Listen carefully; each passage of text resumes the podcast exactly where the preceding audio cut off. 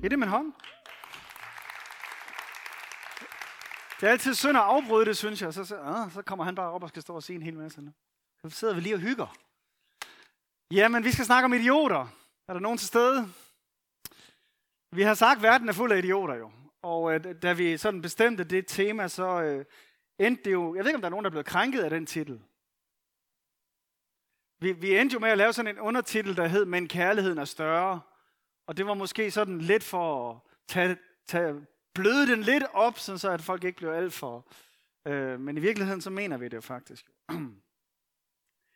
Da vi sad og snakkede om det allerførst, så, øh, så havde jeg sådan en undertitel, der skrev ned til mig selv, at det skulle være et tema om krænkelseskultur og forskelligheder. Og, øh, og det synes jeg faktisk ikke, de andre, der har talt her de søndag, var så meget inde på. Så derfor så tænker jeg, så må jeg jo tage den nu og prøve at rette op, eller få sagt alt det, som, øh, som øh, mangler at blive sagt, synes jeg, og så videre. Så jeg har valgt at kalde den øh, Pas på idioterne. Og så har jeg lige en bonus, der er sådan en guide til krænkelseskulturen. Hvordan er det, vi klarer os igennem den kultur, vi er lige nu, hvor det er meget, meget let at blive krænket og fornærmet og stødt, og hvad vi nu ellers bruger ord på det der. Så, så allerførst lige lidt om idioter. Altså, det er dig og mig, vi snakker om jo. Dig og mig, og din lede boss, og din lumre onkel, og din krævende ægtefælle, og din urimelige far, og din dominerende mor, og hvem der nu ellers er i dit liv, den der ven, der hele tiden snakker, og du kan aldrig få et ord indført, og de tænker kun på sig selv. Øhm. Titlen har vi jo egentlig taget fra en bog, der hedder Verden er fuld af idioter. Den er skrevet af øh, en fyr, der hedder Paul Meyer. Han er, har doktorgrader i medicin, psykiatri og teologi. og så har han stiftet sammen med en anden psykolog en hel række klinikker i USA. Øh, så de har haft rigtig mange mennesker igennem i snakke og samtaler og terapiforløb og alt muligt andet. Og undersøgt det her med, eller de har så fundet ud af, jamen verden er fuld af idioter. Og hvordan er det så, vi indretter os efter det? Den her har undertitlen Lært omgås dem uden selv at blive en. Øhm. Problemet er jo, at vi er født egoister. Jeg ved ikke, om I har opdaget jer, der har små børn, I kan i hvert fald, I har nok opdaget det. Totalt selv, vi skal lige fra begyndelsen. Øh, det er vi født med, og man kan sige, det er måske en del af syndefaldet. Øh, det er mig, mig, mig, mig, mig, mig, det handler om hele tiden. Og, øh, og det han siger i bogen her, det er sådan rent sådan øh, videnskabeligt, psykologisk, så er det sådan, at børn fra de er 0 til de er 18 måneder, så betragter de moren som en forlængelse af sig selv. Det er derfor, de græder, når moren går ud af et rum, for eksempel, fordi noget af mig forsvinder. Og derfor så er det selvfølgelig, mor er der for at være mig. Altså. Og fra de bliver 18 måneder og cirka til 3 år, så er mor min slave. Hun skal gøre alt, hvad jeg beder om. Og så er det fra 3 års alderen, man sådan så begynder, eller i hvert fald burde begynde, at finde ud af, at øh, jeg har en samvittighed, og der, der er noget, der ikke er rigtigt, og der er noget, noget grænseaccept, der bliver udviklet. Jeg er ikke berettiget til alt i virkeligheden. Og øh, det hele handler ikke om mig. Det burde vi så lære fra treårsalderen. Gør vi så ikke alle sammen. Øh, og det kan der være alle mulige årsager til. Men i bund og grund, så har vi alle sammen noget idioti i os på den måde. Og når han bruger ordet idiot, så er det en oversættelse af jerks, ikke? Altså jerk på engelsk er sådan en, er sådan en træls type, sådan en, der, ja. Og det har vi alle sammen noget i os, og det bunder i vores egoisme. Det bunder i, at vi er selvcentrerede, narcissistiske, selvfixerede, eller hvad vi nu kan bruge og sætte ord på det der. Det de så har gjort i deres studie, det er, at de har fundet ud af, at der er forskellige grader af idioti. Så der er øh, førstegrads idioterne. Og det siger, det er cirka 40% af verdens befolkning. De er førstegrads idioter. Det er dem, som er fra mild til moderat selvisk. Fra mild til moderat selvisk. Det er egentlig ordentlige mennesker, men med en stærk følelse af selvberettigelse. Egoistiske, de udnytter andre uden at ønske at skade dem, og de føler skyld over det, når de faktisk skader andre. Øh, typisk øh, Typisk er, at man vil, for eksempel i et selskab, vil man tale rigtig meget om sig selv, og, øh, og glemme at lytte til andre. Fordi det er mig, det handler om. Kender I sådan lidt det? Og jeg selv? Nå. Øhm, så har vi andengrads anden grads idioterne. Dem er der også cirka 40 procent af. de, det er dem, der er fra alvorlig til akut selviskhed. De kontrollerer, dominerer, misbruger andre bevidst. Så er der tredje grads idioterne. Dem er der omkring 10 procent af. Det er fra voldsom selviskhed til sociopatisk selviskhed. De nyder lige frem at kontrollere, dominere og misbruge andre. Og jeg er sikker på, at vi godt sådan kender folk i alle de der kategorier. Ikke? Dem, der bare er sådan meget selvfixerede, det er kun mig, det handler om. Dem, som decideret udnytter det. Det kan være, det er din chef, eller hvem det nu kan være i dit liv. Og, og så er der dem, der, der er sygelige på det her område, og virkelig nyder det, når de gør det. Og så kan I godt se, at det var 40, 40, 10 procent. Så er der 10 procent tilbage, øh, som så er modne voksne, sådan som vi i virkeligheden burde være. Og det er selvfølgelig alle os, der sidder herinde. Eller også så har vi alle sammen noget idioti i os. Jeg havde faktisk overvejet en titel, der hed Kirken er fuld af idioter. Men så tænker jeg, det er nok nogen, der bliver krænket over, så det må jeg hellere lade være med. Men i bund og grund, så er vi jo ikke perfekte. Vel? Vi er ikke en perfekt kirke. Vi er mennesker med fejl, mennesker, der er idioter og begår idiotiske ting, der er selviske fokusere på os selv. Så vi skal navigere i alt det her. Og der, hvor vi måske skal starte, er jo så med os selv, og finde vores egen indre idiot. Find ud af der, hvor du forsøger at bortforklare det, fortrænge det, fornægte det, projicere det over på nogle andre, rationalisere, ah, men det var nok også fordi, og øh, der hvor du bliver passivt aggressiv, der hvor du fejlplacerer skylden, og det er altid de andres skyld. Det har jeg lidt en tendens til. Altså, I vågne grin er man, når vi er ude og gå, og jeg snubler over et eller andet, så er det fortovets skyld. Eller dem, der har lagt fortovet. Og det mener jeg jo egentlig lidt stadigvæk, det er, men altså, det der med, at vi giver andre skyld, eller, eller også så bliver vi sådan lidt fariserer, og så siger, ja, jeg, jeg kan det her, men alle de andre. Vi har alle sammen noget af det der, som vi skal arbejde med. Der er nogen, der siger, it takes one to know one. Hvis du kan genkende noget idioti i andre, noget selviskhed i andre, er det sikkert også, fordi du selv har det. Så første skridt må være, at vi kontrollerer vores, eller konfronterer vores egen indre idiot. Problemet er, at mange af os er trods alt i sådan en pæn kristen kredse, kirkegængere her, så er vi trods alt i førstegrads idioterne. Problemet med førstegrads idioterne er, at de har lidt masochistisk i sig. Altså ikke sådan seksuelt, men, men følelsesmæssigt i forhold til, at det faktisk jo er dem, som anden og tredjegrads idioterne udnytter. Fordi vi på en eller anden måde næsten kan lide det. Eller i hvert fald så sætter vi os selv i positioner, hvor vi lader os udnytte. Og ikke får sat grænserne op, ikke får sagt fra, og i virkeligheden bliver ofre for det. Så lidt gode råd til, hvad gør vi så, når vi skal passe på de der idioter? Allerførst så er det vigtigt ikke at lade dem påvirke din selvforståelse, din selvopfattelse. Vi har lige stået og sunget, hvor dyrebare vi er i hans øjne, og vi var korset værd, og hvad vi ellers sang. Og det er det, der er budskabet, det kristne budskab. Du er skabt i Guds billede. Du er unik, du har uendelig værdi, uanset hvor lidt eller meget du kan, og hvordan du ser ud, og om du har overskud eller ikke overskud i dit liv lige nu, så har du uendelig værdi. Er elsket af Gud, han er kommet, han er død for dig. Og den der selvopfattelse skal vi finde ind til. Sige, det er faktisk mig. Og derfor så har du ikke lov til at behandle mig sådan. Og hvis ikke vi bliver helt grounded i den der, yes, jeg er elsket, og jeg er god nok. Det kan godt være, at jeg gør dumme ting, men jeg har værdi, og jeg er god nok. Så er det svært at sige fra.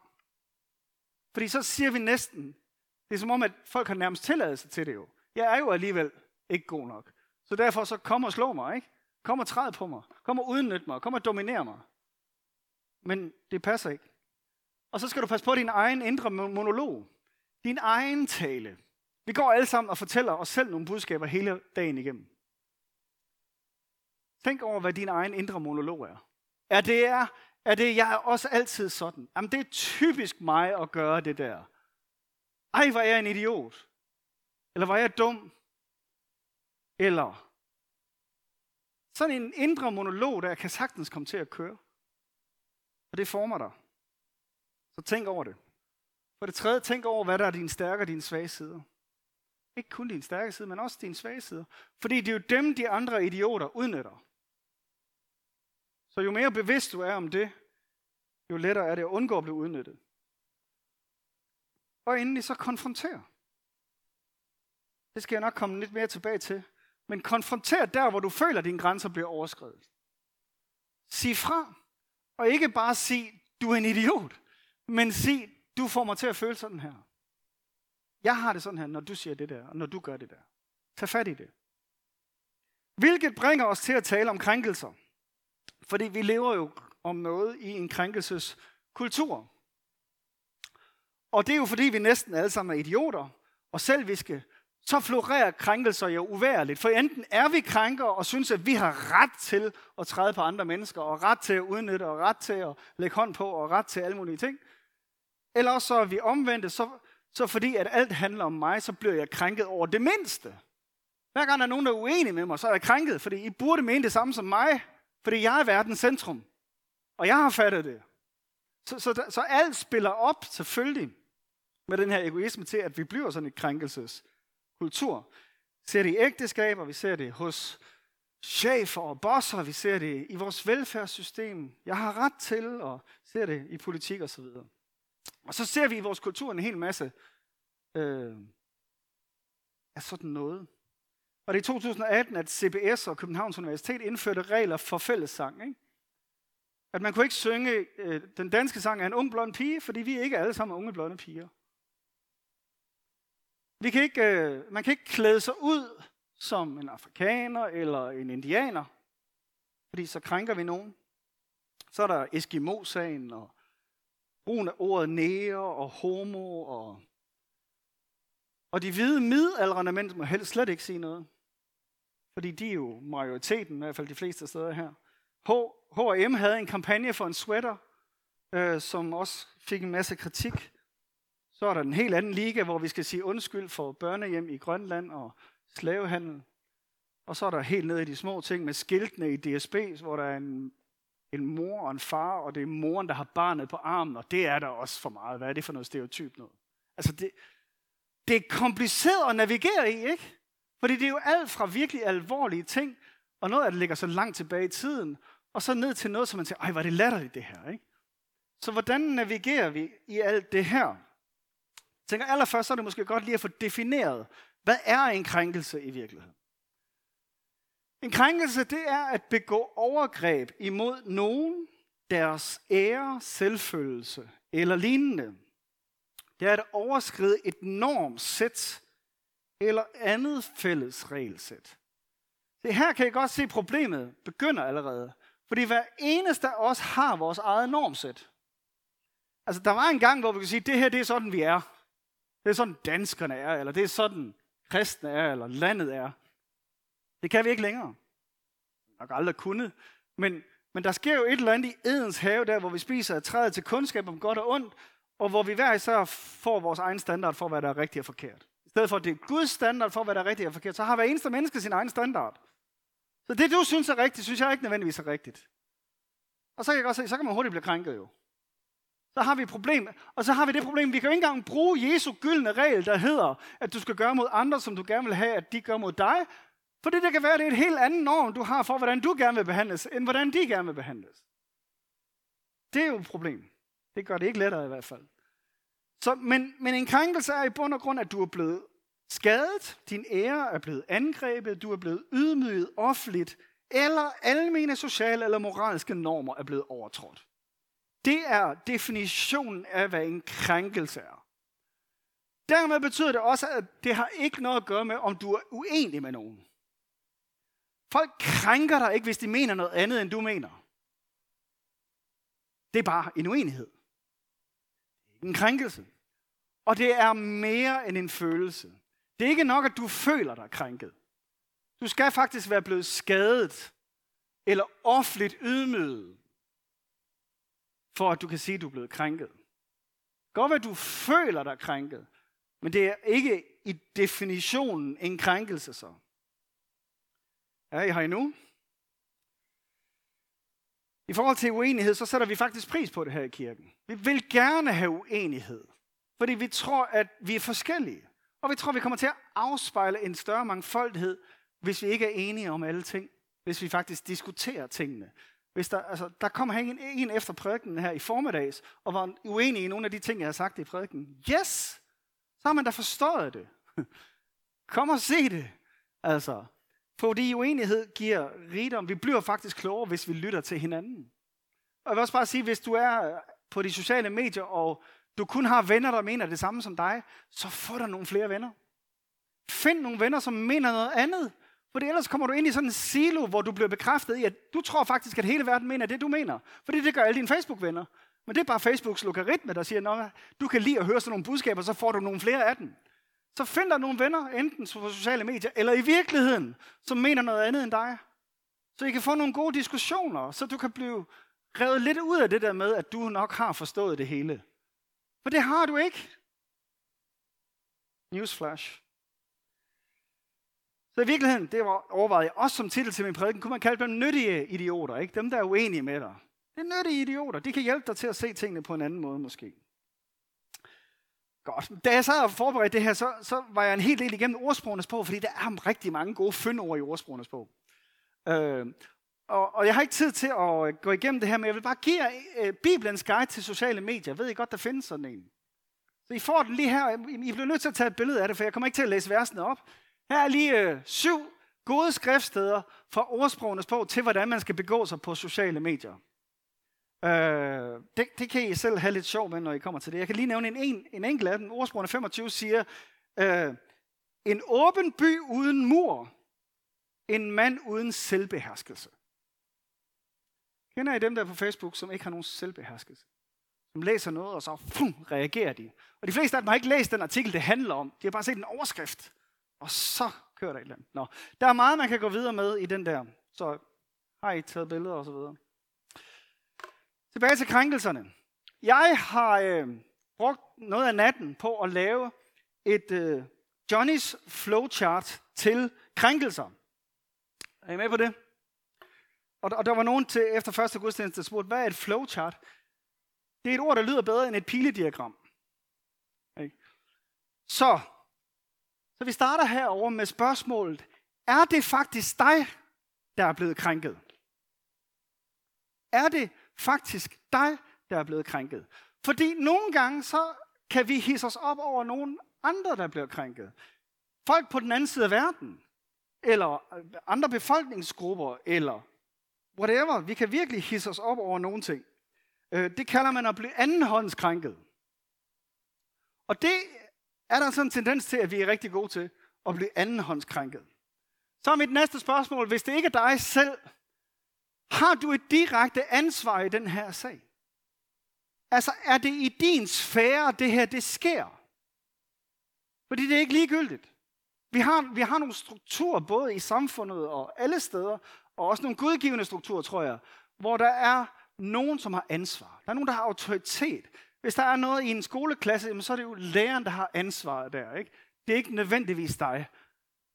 Vi har nogle politikere, der har et ansvar. Vi har ledere alle mulige steder i samfundet, som har et ansvar. Så det er ikke dit ansvar at gribe ind i en eller anden tilfældig situation et eller andet sted i verden. Faktisk vil jeg våge at påstå, at det er årsagen til rigtig meget stress at vi føler, at vi skal have en holdning til hele universet. Altså alt, hvad der sker, nogen steder i verden, skal jeg have en holdning til. Og jeg skal ikke bare have en holdning, jeg skal ytre mig om den. Nej, du skal ikke. Du skal ikke blande dig i alt, hvad der foregår i den her verden. Det giver stress. Vi har som kristne specielt måske nogle gange sådan en messiaskompleks, hvor vi tænker, at vi skal redde den her situation. Der er faktisk en anden, der allerede har gjort det der. Der er faktisk en anden, som er verdens frelser. Og så har du din verden. For tid tilbage havde vi et tema, der hed Gå ud i din verden. Du er sendt ud til din sfære, for at bringe Jesus ind i den. Ikke til alt i den her verden. Du har en sfære, du skal være i. Prøv at lade være med at blande dig ind i alt muligt andet. Så hvis ikke du har et direkte ansvar, så pas dig selv. Ikke så svært, vel, egentlig? Pas dig selv. Og igen, hvis vi lige tager ordsprogene her, så er der et rigtig godt skriftet her. En, der tager fat i ørerne på en omstrejfende hund. En, der blander sig i en strid, der ikke kommer ham ved. Jeg elsker de her billeder i ordsprogenes bog. Altså forestil dig sådan en vild hund, der render rundt, og så går du hen og tager fat i øret på den. Du ved godt, hvad der vil ske, og det er lige præcis det samme, der sker, hvis du blander dig i en strid, der ikke har noget med dig at gøre. Lad være med det. Hvis det så... Øh, bum, bum. Så kan du stille et andet spørgsmål. Er det strafbart, det der er foregået her? Det har stadig ikke noget med dig at gøre, det er et eller andet andet sted. Er det strafbart? Hvis ja, så brug retssystemet, det er det, vi har det for. Facebook er ikke retssystemet, bare til jeres orientering. Brug retssystemet. Hvis ikke, så brug Matthæus 18. Se, i Matthæus 18 fortæller Jesus, hvordan man bilægger konflikter. Han siger, hvis din bror har forsyndet sig imod dig, så skal du gå til ham og forlige dig med ham. Hvis ikke du kan løse det med ham, så skal du tage en tredje part med. Hvis I ikke kan løse det, så skal du så inddrage menigheden eller offentligheden eller en større forsamling i det. Ikke? Det er egentlig ganske enkelt. Så, og, og hvis ikke, det, vi, det er hernede, hvor vi har direkte ansvar. Ikke? Hvis ikke du har direkte ansvar deroppe, så skal du passe dig selv. Og det kan godt være, at du så tænker, om der er ikke nogen, der er opmærksom på det her. Så skriv en mail til dem, der har ansvaret for det. Altså, de læser ikke dit Facebook-feed. Så det hjælper ikke at skrive noget der. Send en mail til dem, der har direkte ansvar for det, så de kan gøre noget ved det. Hvis det er dig, der har ansvaret, så brug det princip der. Er I med i nu? Og så, videre. så lad os hoppe herned og sige, det er faktisk mig, der er blevet krænket. Det er faktisk ikke et eller andet sted i verden, eller en befolkningsgruppe eller andet. Hvad så? Jamen igen spørgsmål, er det strafbart? Hvis ja, brug retssystemet. Hvis nej, så er et godt spørgsmål at stille. Er det mere end en følelse eller en uenighed? For, for hvis vi lige husker tilbage på, hvad en krænkelse var, så er det ikke uenighed og følelse. Hvis det ikke er mere end det, så pas dig selv. Eller lyt eventuelt til den uenighed. Sig, okay, fortæl mig så, hvad det er, du mener anderledes.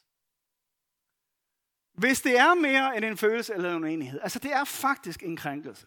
Det er faktisk, du er blevet skadet eller ydmyget offentligt, eller den definition, vi havde før, ikke? Så er det næste spørgsmål, du skal stille, er det en konflikt værd? Er det en konflikt værd? Hvis nej, så bær over med den. Det er også et godt bibelsk ord, overbærenhed. Man kan faktisk, altså prøv det en gang imellem. Man kan faktisk også godt sidde og, og scrolle igennem sit Facebook, og så er der noget, man bliver vildt oprevet over, og så kan man lige gøre sådan her. Og så er det væk. Altså, da vores, vores børn var små, der havde de sådan en pytkasse. Jeg havde den ikke rent fysisk, men mentalt havde vi en pytkasse. Hvor hvis der var et eller andet, de hissede sig op over, så sagde skal vi ikke putte det i pytkassen? Og hvor ville jeg ønske, at vi i vores samfund kunne lære at putte noget mere ned i pytkassen? Altså, altså, hvor vigtigt er det i virkeligheden, det her? Kunne det være, at vi bare skulle putte det i pytkassen? Godt. Det kan jo også godt være, at du faktisk er blevet krænket. Kan jo godt være, at mennesker har overskrevet dine grænser og ydmyget dig offentligt, skadet dig osv. Og det ikke er noget strafbart. Så skal der selvfølgelig handles på det. Og, og det, det er så lige her til sidst vil give jer en lille guide til, hvordan handler man så på det, hvis det faktisk er sket en krænkelse? Hvis du faktisk er blevet på en eller anden måde øh, krænket. Har I taget det, I skal bruge den der, så jeg må gå videre. Nej, jeg skal måske lige sige, når vi snakker krænkelser, så er det jo ikke kun noget fysisk. Det er faktisk interessant, at i Bibelen, så, så øh, strammer Jesus jo op i hans bjergeprædiken og siger, prøv at høre her, de gamle sagde til jer, at hvis man slog ihjel, så fortjente man helvede og alt muligt andet. Nu siger jeg til jer, hvis I bliver vred på jeres bror, hvis I kalder ham raka, altså tomhjerne betyder det i virkeligheden, hvis I kalder ham tomhjernet, eller hvis I kalder ham tåbe, så er det samme straf. Så, så alt det, vi er i gang med i vores samfund lige nu, hvor vi begynder at lave lovgivning om psykisk vold, det havde Jesus ligesom forstået. Fordi de ord, du taler, skader lige så meget, nogle gange mere, end ham du slår. Og derfor, hele point med bjergprædiken er jo, at Jesus strammer det hele op og siger, prøv at høre, I kan ikke overholde det her. Men han sætter det op på niveau med hinanden. Altså, øh, så er der alt det der med, at psykisk lovgivning, det kan man ikke, det er lidt svært, fordi der er noget bevisførsel og sådan noget, ikke?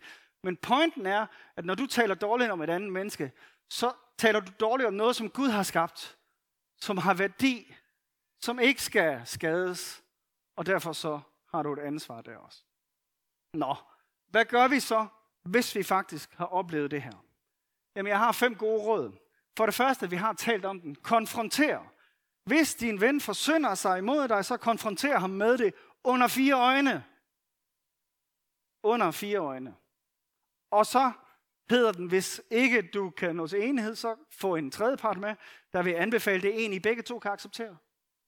Altså ikke din bedste ven, men en, som I begge parter ligesom kan sige, her er en god maler i det. Det hedder mediation på nogle moderne dansk. Det gør man meget ude i samfundet. Og den tredje ting er så, hvis stadigvæk ikke det kan lykkes, så må det løses i det samfund, eller den platform, I nu er en del af, enten det er en kirke, eller en skole, eller en arbejdsplads, eller hvad det er. Og det, man skal lægge mærke til her, er, at den hedder, hvis din bror forsynder sig mod dig.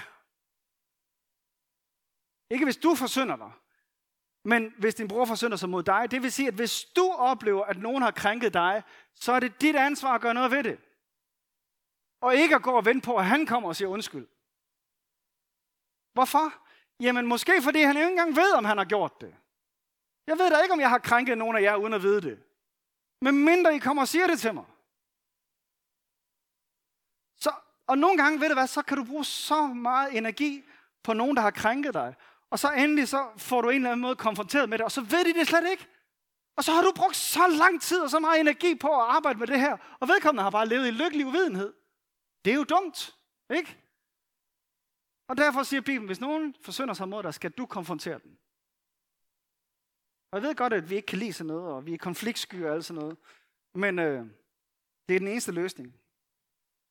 For det andet, sæt grænser. Jesus han siger det sådan her. I søger efter anerkendelse fra hinanden. Men den anerkendelse, som kommer fra den eneste sande Gud, den er I ikke interesseret i. Det er selvfølgelig til farisæerne, han snakker her. Ikke? Den anerkendelse, som kommer fra den eneste sande Gud, det er den, der betyder noget.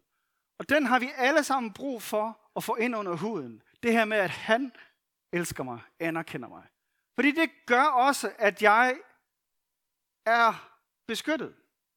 Det gør, at det betyder ikke noget, hvad andre gør ved mig. Eller det er i hvert fald en, det er at gøre vold mod mig, hvis de træder ind over mig. Ind over mine grænser, ind over der, hvor jeg siger fra. Jesus siger fra hele tiden, ikke? Der er masser af behov omkring os, og siger, nej, nu skal jeg ikke lige helbrede syg mere, nu skal jeg op og bede. Nu går jeg lige et andet sted hen. Nej, Peter, det er ikke rigtigt, at jeg ikke skal på korset. Nej, jeg skal ikke til Jerusalem lige nu. Hele tiden sætter han grænser. Der hvor andre mennesker forsøger at have en dagsorden for ham. Der hvor nogen forsøger at dominere og manipulere, sætter han grænser op. Det bliver vi nødt til at lære. Vi bliver simpelthen nødt til at lære at sige fra. Ikke kun når det er sket, men også i situationen også. Og det ved jeg godt, det er lettere sagt end gjort. Tredje ting. Fjern dig eller dem. Se, nogle gange kan man ikke løse situationen, så må du fjerne dig fra situationen. Ordsprogenes bog har igen et par gode vers her, ikke? Fjern dig fra en tåbelig mand. Det er meget enkelt i virkeligheden, ikke? Det er så måske nogle gange lettere sagt end gjort. Eller andre gange kan det være, at man skal have vedkommende fjernet. Ja, i spot on board, så får, du, så får ufreden ende. Skænderier og fornærmelser hører op. Ikke? Nogle gange er man nogen, man skal have ekspederet ud af det fællesskab, man lige er i. Sige, skal du ikke finde en anden kirke? Eller en anden arbejdsplads? Eller og andre gange, så bliver du nødt til måske at flytte dig, fordi du er i en situation, hvor du ikke, uanset hvor mange grænser du får sat op og konfronteret og sat fra, så ændrer tingene sig ikke. Så bliver du nødt til at flytte dig. Altså nogle gange så er der bare nogle livsfaktorer, vi må forholde os til og indrette os efter. Bed for dem. Jesus siger, bed for dem, der mishandler jer. Og det gælder ikke kun fysisk. Det sagen er, at bøn virker altid. Det virker måske på dem, du beder for, men det virker helt sikkert på dig. Hvis du begynder at bede for dem, som er den største idiot i dit liv, så pas på, fordi så vil du ændre din indstilling til den person. Du vil begynde at tænke anderledes om dem. Du vil opdage, at de også er mennesker skabt i Guds billede. Som ikke blev født på den måde, men som har oplevet noget, der gør, at de er, som de er lige nu. Så bed for dem. Og endelig velsign dem. Peter siger det sådan her. Gengæld ikke ondt med ondt, anklage med anklage, men velsign i stedet for. I kaldet til at velsigne hinanden, og dermed bliver I også selv velsignet. I Romerbrevet taler Paulus om, at, at det er ligesom at lægge glående kul oven på deres hoved. Det, det bliver ubehageligt. Kender I det, når der er nogen, I er rigtig sur på, der gør noget godt for jer? Det er så træls, for der kan man ikke rigtig længere være sur på den. Og det er ligesom det, der er princippet. Velsign mennesker, specielt dem, der er jeg imod. Så, hvis du faktisk er blevet krænket, så er der lige fem gode råd til den der. Lad mig slutte med Peters, resten af Peters øh, vers her. Det er ikke 3,89, det er 3,8. Og så her er det 3,8 og 9. Og nu et ord til jer alle. I skal leve i indbyrdes harmoni og være medfølende, kærlige, omsorgsfulde og ydmyge over for hinanden. Gengæld ikke ondt med ondt eller anklage med anklage, men velsign i stedet for. I kalde til at velsigne hinanden, dermed bliver I også selv velsignet. Så hvad er det, jeg gerne vil sige? Jamen, find lige din egen indre idiot, og analyser den. Pas på de andre idioter. Få sat nogle grænser op. Hvis du selv har krænket nogen, så sig undskyld. Altså der, hvis du selv har krænket nogen, er der egentlig fire enkle skridt. Lyt til den. Forstå den. Sig undskyld. Og kom videre. Lyt til den. Forstå, hvor de kommer fra. Hvad er det, der er sket? Hvordan føler de det? Sig undskyld. Og kom videre i livet. Og endelig håndtere uenighed og sårede følelser på en måde, og krænkelser på en anden. Amen. Lad os bede sammen. Øhm, jeg ved ikke, hvad for en idiot I sidder og tænker på lige nu, men lad os bede for den. Far i himlen, tak, at du kender, øh, du kender der, hvor vi er lige nu, og de situationer og relationer, vi er i. Også de situationer og relationer, der er allervanskeligst. Og her, den giver jeg til dig lige nu her. Herre, vi giver de relationer til dig og beder om din visdom ind i den. Hjælp os her at konfrontere os. Hjælp os at sætte grænser. Hjælp os at velsigne og bede for dem her. Og her så beder jeg dig for den indre idiot i hver af os. Hjælp os her, når vi bliver selviske, urimelige, dominerende, kontrollerende. Her hjælp os til at øh, få arbejdet med det, komme videre, få sagt undskyld. Og her beder jeg om, at vi må være og blive en kirke, hvor kærligheden dækker en mangfoldighed af synder, og kærligheden er større end alt.